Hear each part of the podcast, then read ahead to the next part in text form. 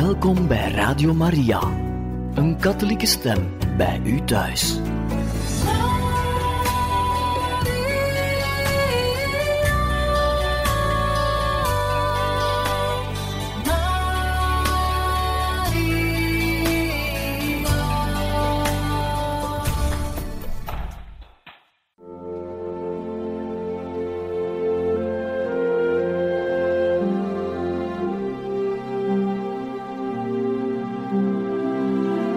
Beste luisteraars van Radio Maria, welkom bij het programma Catechismus.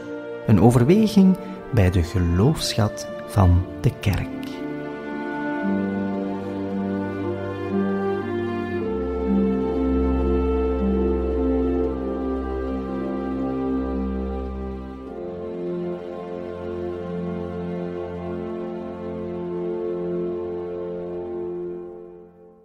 Van harte welkom, beste luisteraars, in het programma Catechismus. U kan vandaag verder luisteren naar de catechese-reeks, gebracht door Salvatoriaan Pater Michel Copin, waarin hij ons spreekt over zending. Hij zal ons vandaag spreken over David, koning David. Beste luisteraars, we komen aan een nieuw stuk van onze uitzendingen, onze serie op zoek naar de Bijbelse fundamenten van missie, de Bijbelse fundamenten van onze zending als christenen. En vandaag zou ik het met jullie willen hebben over de figuur van koning David. Koning David is voor de Joden een heel belangrijk figuur, maar het is ook een voorvader van Jezus Christus. En een goede koning die veel goeds gedaan heeft voor zijn volk. Ik wil daarom ook beginnen met een psalm die aan koning David wordt toevertrouwd. Een lied van koning David. Gij zijt geprezen Heer in alle eeuwen. Gij God van onze vader Israël. Want alles in de hemel en op aarde is het uwe. Gij zijt de koning Heer die boven allen staat. Nu komen wij u, onze God, aanbidden en eren wij uw luisterrijke naam. Maar wie ben ik en wie zijn deze mensen, dat wij met zoveel gaven voor u staan? Al onze offers zijn door u geschonken, uw eigen gaven geven wij u weer. Wij staan voor u als gasten uit een vreemde, zoals ook onze vaderen eertijds. Ons leven is een schaduw die voorbij gaat. Wij zijn onmachtig uit onszelf en uitzichtloos.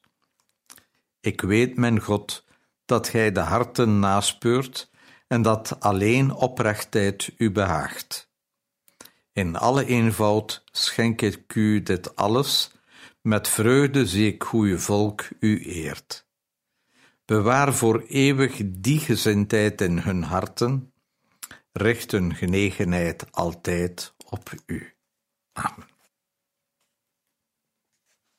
Het roepingsverhaal van David als de tweede koning van het godsvolk heeft ons te verstaan hoe we het koningschap binnen de heilsgeschiedenis het best kunnen verstaan. Het koningschap komt reeds in het Oude Testament overeen met het zijn van een goede herder. Ook in het Nieuwe Testament zal het beeld van de goede herder hernomen worden door Jezus. Ik herinner mij hoe ik het moeilijk had de eerste keer dat ik moest voorgaan op het feest van Christus Koning. Maar nu is dat voor mij reeds lang geen probleem meer. Ik zal u vertellen waarom en ik doe dat aan de hand van het roepingsverhaal van koning David, dat we vinden in het eerste boek Samuel. Het zestiende hoofdstuk. De Heer zei tegen Samuel: Je weet wat ik besloten heb. Saul mag niet langer koning van Israël zijn. Jij hoeft dus geen verdriet meer over hem te hebben ik stuur je naar Bethlehem, Daar wonen Isaïe en zijn zonen. Eén van die zonen heb ik uitgekozen, hem moet je koning maken. Een van de zonen van Isaïe was Eliab. Toen Samuel hem zag, dacht hij: Dit is een man die de Heer uitgekozen heeft. Maar de Heer zei tegen Samuel: Let niet op zijn uiterlijk, kijk niet hoe groot hij is. Ik heb hem niet uitgekozen. Wat je van buiten ziet, is niet belangrijk. Daar kijken mensen altijd het eerst naar. Maar ik let erop hoe een mens van binnen is. Zo stelde Isaïe zeven zonen aan Samuel voor. En Samuel zei tegen Isaïe: De Heer heeft niet één van hen uitgekozen. Heb je soms nog meer zonen? En Isaïe zei: Ja, mijn jongste zoon David. Hij past op de schapen en geiten. Toen zei Samuel tegen Isaïe: Laat hem dan hier komen. We gaan pas eten van het offer als hij er is. Isaïe liet zijn zoon David komen. David was een knappe jongen met rood haar en mooie ogen. Toen zei de Heer tegen Samuel: Dit is degene die ik uitgekozen heb om koning te zijn. Toen nam Samuel een kruikje met olie, hij goot de olie over het hoofd van David, terwijl al zijn broers erbij waren. Vanaf dat moment was de geest van de Heer in David. Thank you.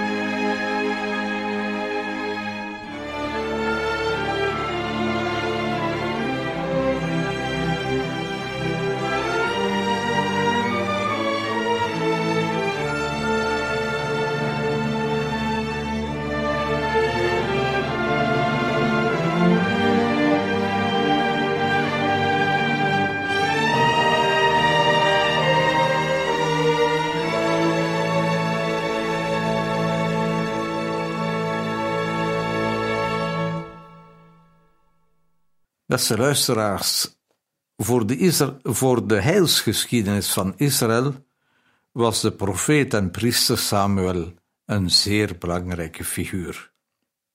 Het volk van God is van een nomadevolk geëvolueerd naar een sedentair en aan de gronden geworteld volk.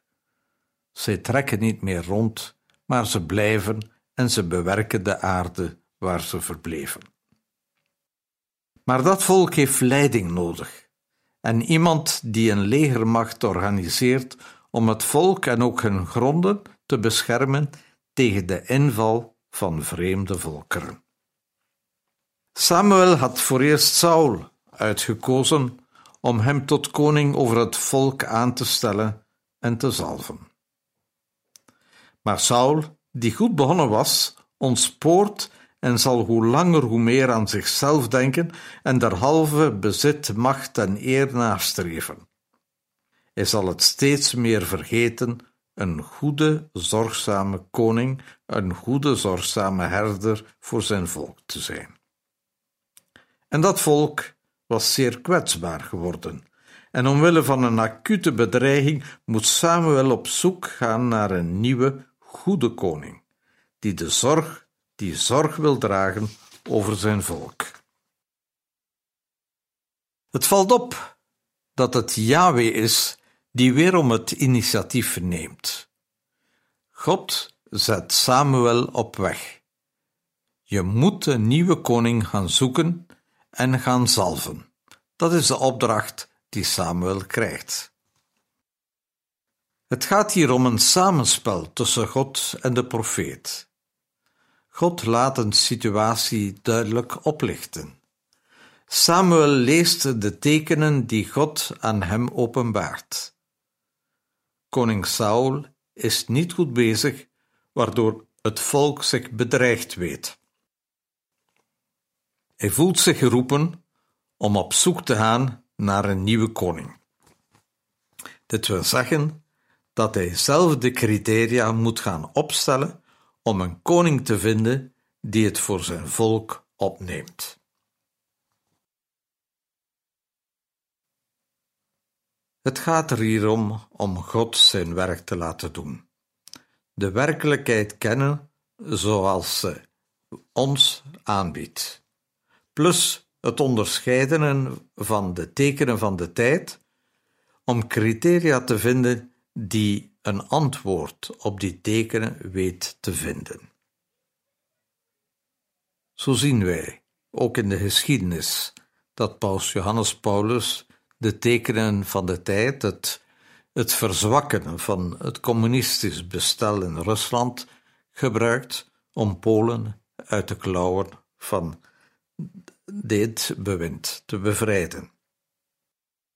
We zien dat Paus Franciscus ook probeert de leer van de kerk in een pastoraal kleedje te, te gieten, zodat er pastoraal mogelijkheden ontstaan om mensen, en zeker zij die aan de rand van de kerk staan, weer op te nemen.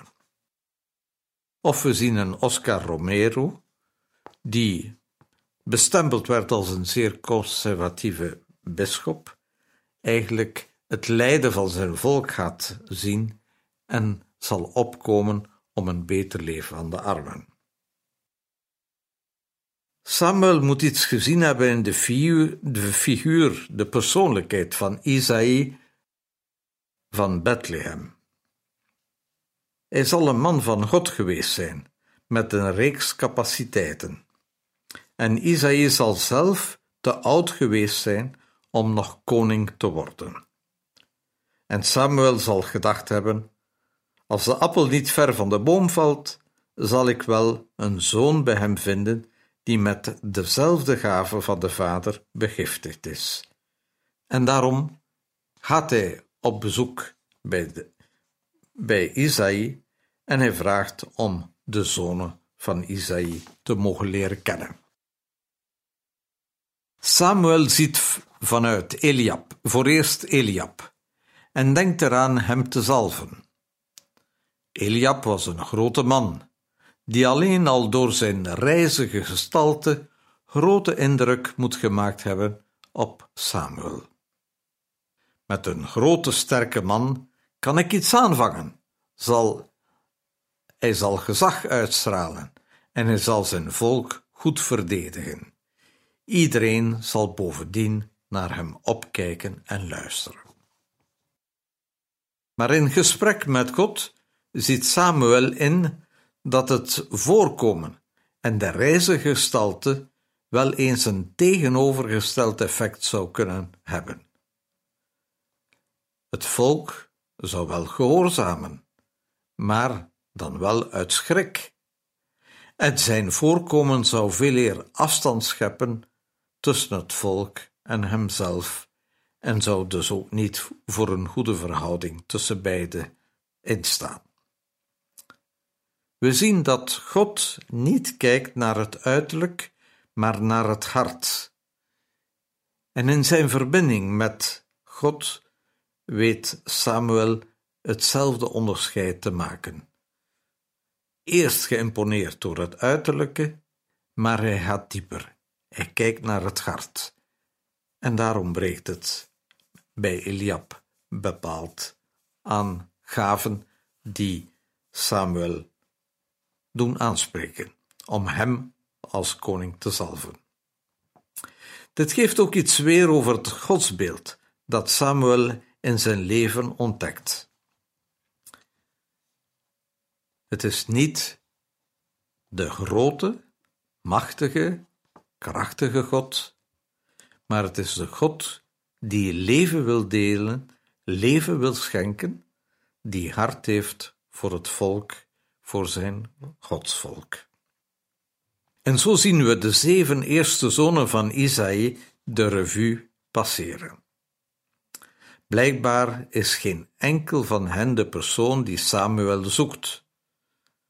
Het moet frustrerend voor Samuel geweest zijn telkens te moeten ontdekken dat de voorgestelde zoon niet de geschikte kandidaat is. En dan komt de vraag: is dat alles wat je mij voor te stellen hebt? In de zin van: ja, uh, Isaïe, heb je echt niks beters om aan mij en dan ook aan God voor te stellen om zo op een goede manier het volk leiding te geven. Is er dan werkelijk niemand die in zijn leven God aan het woord laat en dit woord aan zijn medeburgers wil doorgeven? Is er niemand die in zijn leven en in, en in zijn bestuur van het land echt vanuit God wil leven en handelen? Want daar is het om te doen.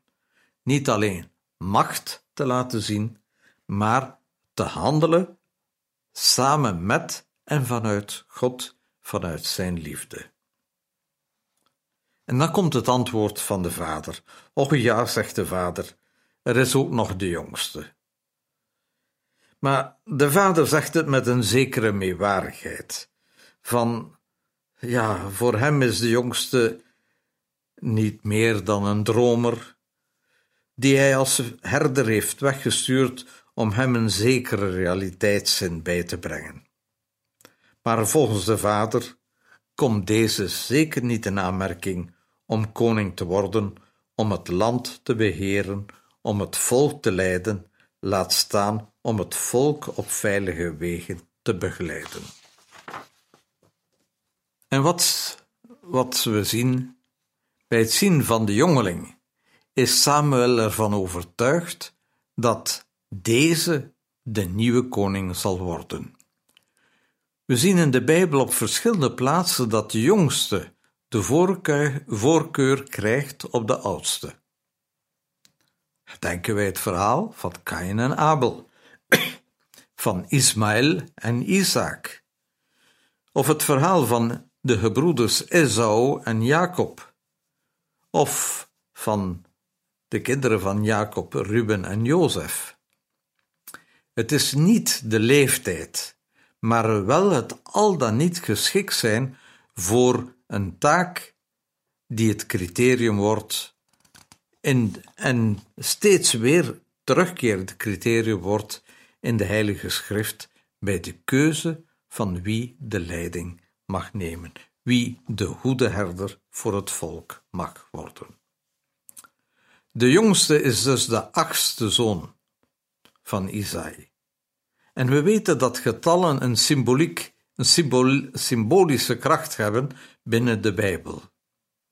Het is het getal van de volmaaktheid. 7 plus 1. En die 1 duidt op een nieuw begin.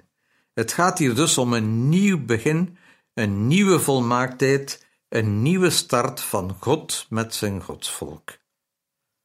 Vergeten we niet dat ook Jezus verrezen is niet op de zevende, maar op de achtste dag, de dag na de Sabbat, die de zevende is, plus één. Dat wil zeggen, met Jezus komt er volmaaktheid en komt er een nieuw begin in de heilsgeschiedenis van God met zijn volk. De jongste was de schapen aan het goeden. Wie goed voor een kudde kan zorgen, blijkt dus in de ogen van Samuel geschikt om voor het volk te zorgen. Het is, hij wordt beschouwd als goed om door de, het volk door de geschiedenis te leiden. Hij is goed om het volk door verschillende omstandigheden te leiden. Beste luisteraars, we hebben gezien dat Abraham een herder was. Mozes is ook een herder geworden en wordt vanuit zijn, het goede van zijn kudde weggeroepen. Maar ook de psalmen beschrijven God als een herder. En Jezus, die zal zichzelf kenmerken als een goede herder. In de oudheid moest een koning een goede herder zijn. Moest hij zorg kunnen dragen voor zijn schapen, dit wil zeggen zorg kunnen dragen voor zijn volk. De jongste wordt beschreven als een jongen die rossig was, die mooie ogen had en een prettig voorkomen. Ook deze aanvankelijke details hebben eigenlijk een betekenis, een onderliggende betekenis. Wanneer we het hebben over rossig, dan gaat het over een mengeling van verschillende volksaarden. David zal een koning worden van verschillende stammen, die zich met elkaar vermengen tot één volk. Hij had mooie ogen. Dat wil zeggen dat David een koning was met een scherp gezicht die realiteit of situaties wist te doorschouwen, te doorgronden. Bovendien had hij een prettig voorkomen. Hij had zin voor humor, zin voor relativering. Eigenschappen die belangrijk zijn voor een leider. Belangrijke antigif om niet verdwaald te geraken of meegezogen worden in een zucht naar macht. Hij was bovendien recht voor de raap of heel rechtschapen.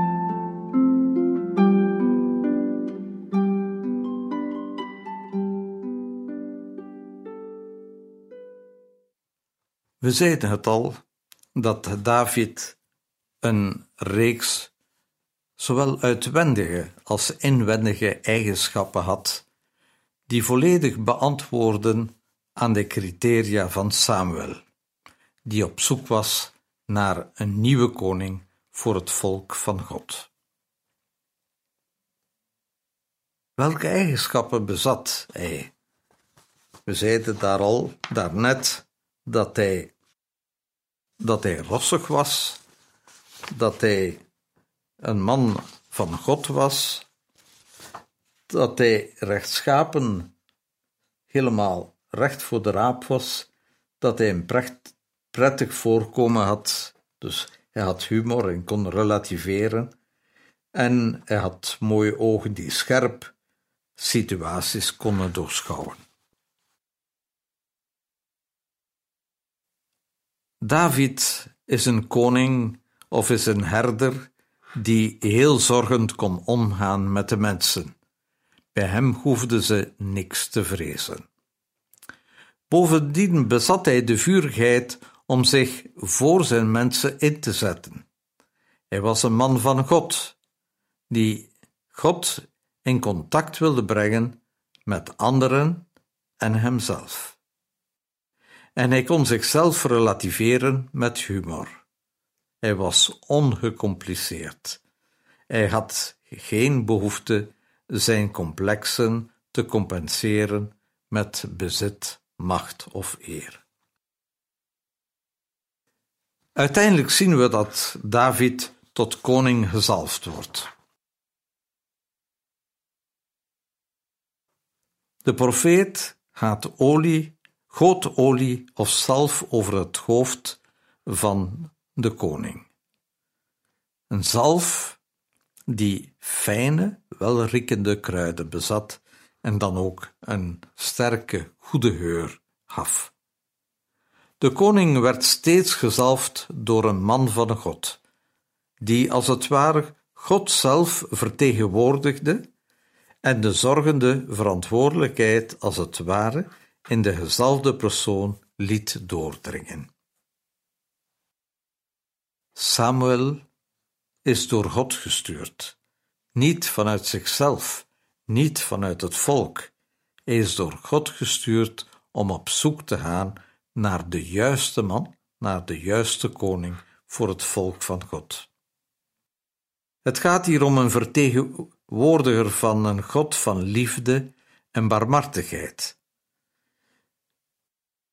die via de zalf die liefde, die bezorgdheid, die barmhartigheid in de persoon van de koning laat doordringen.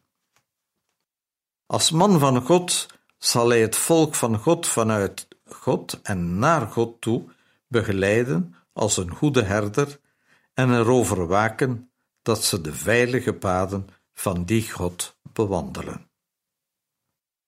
Het is dit beeld van de goede herder dat Jezus zal overnemen, voor eerst om er zijn Vader mee voor te stellen. Jezus brengt gedurende zijn leven een nieuw godsbeeld.